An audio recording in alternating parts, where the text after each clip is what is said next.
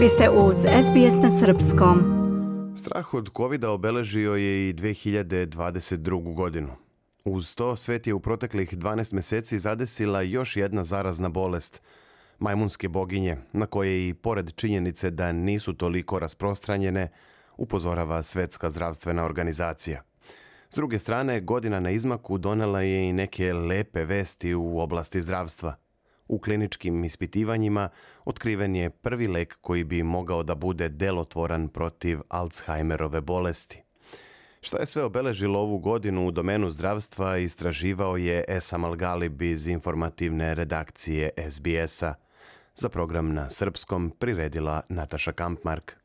Protekla 2022. bila je godina zdravstvenih bitaka, borbe sa restrikcijama, zaključavanjem i brojnim smrtnim slučajevima. Sa druge strane, naučnici su radili na tome da pronađu nove terapije, vakcine i lekove koji bi iskorenili mnoge bolesti. Evo pregleda najznačajnijih zdravstvenih događaja u 2022.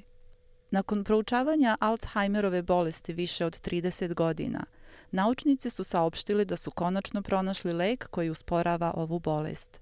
Nazvan lekanemab, ovaj lek deluje tako što iz mozga pacijenta uklanja štetne naslage proteina po imenu amiloid, koji uzrokuje ovu bolest. For Alzheimer's disease, I think that we can see that Profesor neurologije sa Neurološkog instituta Univerzitetskog koleđa u Londonu kaže da novi lek označava prekretnicu i da će stvari krenuti nabolje što se tiče Alzheimerove bolesti.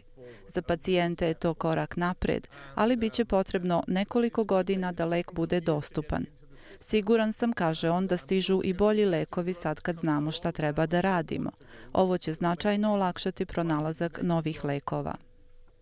Sa početkom zime u severnoj hemisferi broj obolelih od koronavirusa se naglo povećao u Kini, gde je vlada i dalje sprovodila politiku nultog kovida, zbog čega su u nekoliko navrata uvođene restrikcije i zaključavanja. Pa Zbog nepopularnosti ovih mera, krajem novembra ljudi su izašli na ulice da protestuju i sukobili su se sa policijom, da bi do dramatičnog preokreta došlo 7. decembra, kada je vladajuća komunistička partija Kine odlučila da se oboleli od covid više ne šalju u izolaciju i da se ukine obavezno testiranje na nekim javnim mestima. Toplo leto u Evropi izmamilo je ljude na ulice i mesta za zabavu, što je dovelo do utrostručenja broja slučajeva zaraze COVID-19 izazvanih pod varijantom soja Omikron, nazvanom BA5. U septembru je objavljena studija sprovedena na zahtev Svetske zdravstvene organizacije koja procenjuje da u Evropi ima 17 miliona ljudi koji žive sa simptomima dugoročnog COVID-a.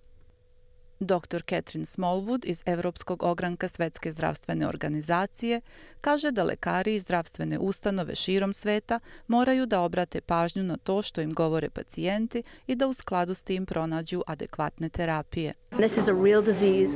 Ovo je stvarna bolest i mora da se kao takva prepozna i leči. Baš u vreme kad su ljudi počeli da se raduju letnjim festivalima 2022. pojavili su se slučajevi zaraze novim virusom endemičnim za delove Afrike, koji do tada nije zabeležen van tog kontinenta. Majmunske boginje mogle su se prepoznati po karakterističnom osipu, a lekari su objasnili da se bolest prenosi dugoročnim bliskim kontaktom kao i korišćenjem iste posteljine, peškira i odeće.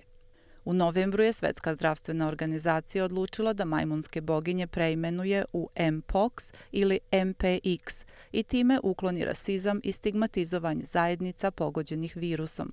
Tip virusa identifikovan u ovom talasu redko je dovodio do smrtnog ishoda i ljudi su se obično oporavljali u roku od nekoliko nedelja. U septembru je rekordno snažan monsun pogodio Pakistan, zbog čega je na stotine hiljada ljudi ostalo bez krova nad glavom, dok se ogroman deo Pakistana našao pod vodom. Pakistanski zdravstveni zvaničnici prijavili su izbijanje bolesti koje se prenose putem vode, kao što su malarija i denga, što je povećalo broj smrtnih slučajeva. Ove godine naučnici su radili i na razvijanju programa za genetsku modifikaciju komaraca kako ne bi mogli da šire ove zarazne bolesti. Jedna međunarodna studija u koju je bio uključen i tim istraživača iz Melburna utvrdila je da ljudi koji su pretrpeli moždani udar bolje reaguju na određene terapije u zavisnosti od njihove etničke pripadnosti. Ova studija bi mogla doprineti da se uvedu međunarodne smernice za lečenje pacijenata posle moždanog udara. Moždani udar nastaje kada krvni ugrušak obustavi dotok krvi u mozak, a studijom u kojoj je učestvovalo 300 pacijenata iz Novog Zelanda, Australije, Kine i Vjetnama, utvrđeno je da najbolje rezultate daje kombinacija terapija, odnosno i lekovi za razređivanje krvi i operativni zahvat, objašnjava profesor Peter Mitchell iz Kraljevske bolnice u Melbourneu koji je učestvovao u ispitivanju. Ovo je posljednje saznanje koje bi trebalo da dovede do uvođenja smernica za lečenje moždanog udara, jer će se sada konačno napustiti ideja da ne treba da se daje lek za razređivanje krvi.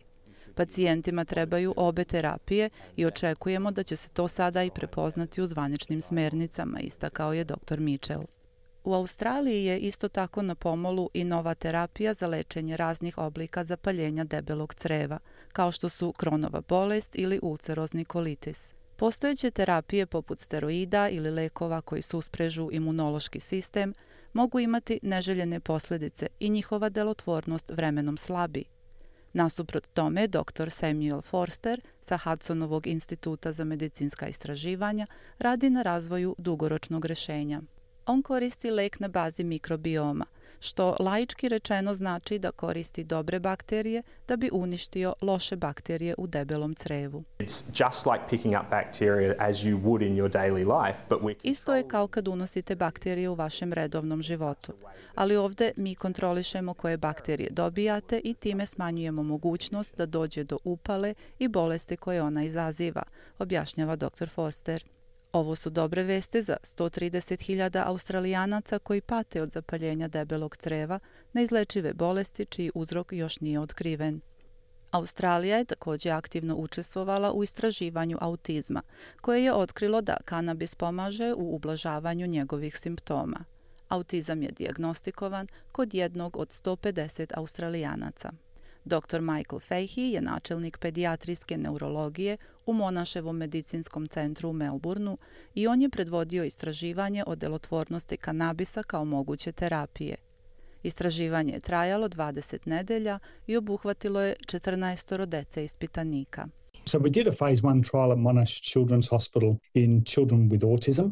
Prvu fazu istraživanja obavili smo kod dece sa autizmom u Monaševoj dečjoj bolnici i otkrili smo da je terapija kanabisom dovela do poboljšanja u nekoliko oblasti, a naročito u komunikaciji, socijalizaciji, kod anksioznosti i sloma.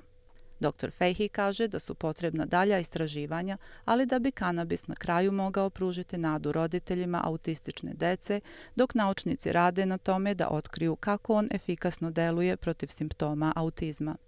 Do početka 2023. godine ostalo je još svega nekoliko dana. Naučnice se nadaju da će pronaći lekove za razne bolesti, a sa studijama i istraživanjima koja su sprovedena širom sveta, nova godina bi mogla da označi kraj nekih od vodećih bolesti u svetu. Želite da čujete još priča poput ove?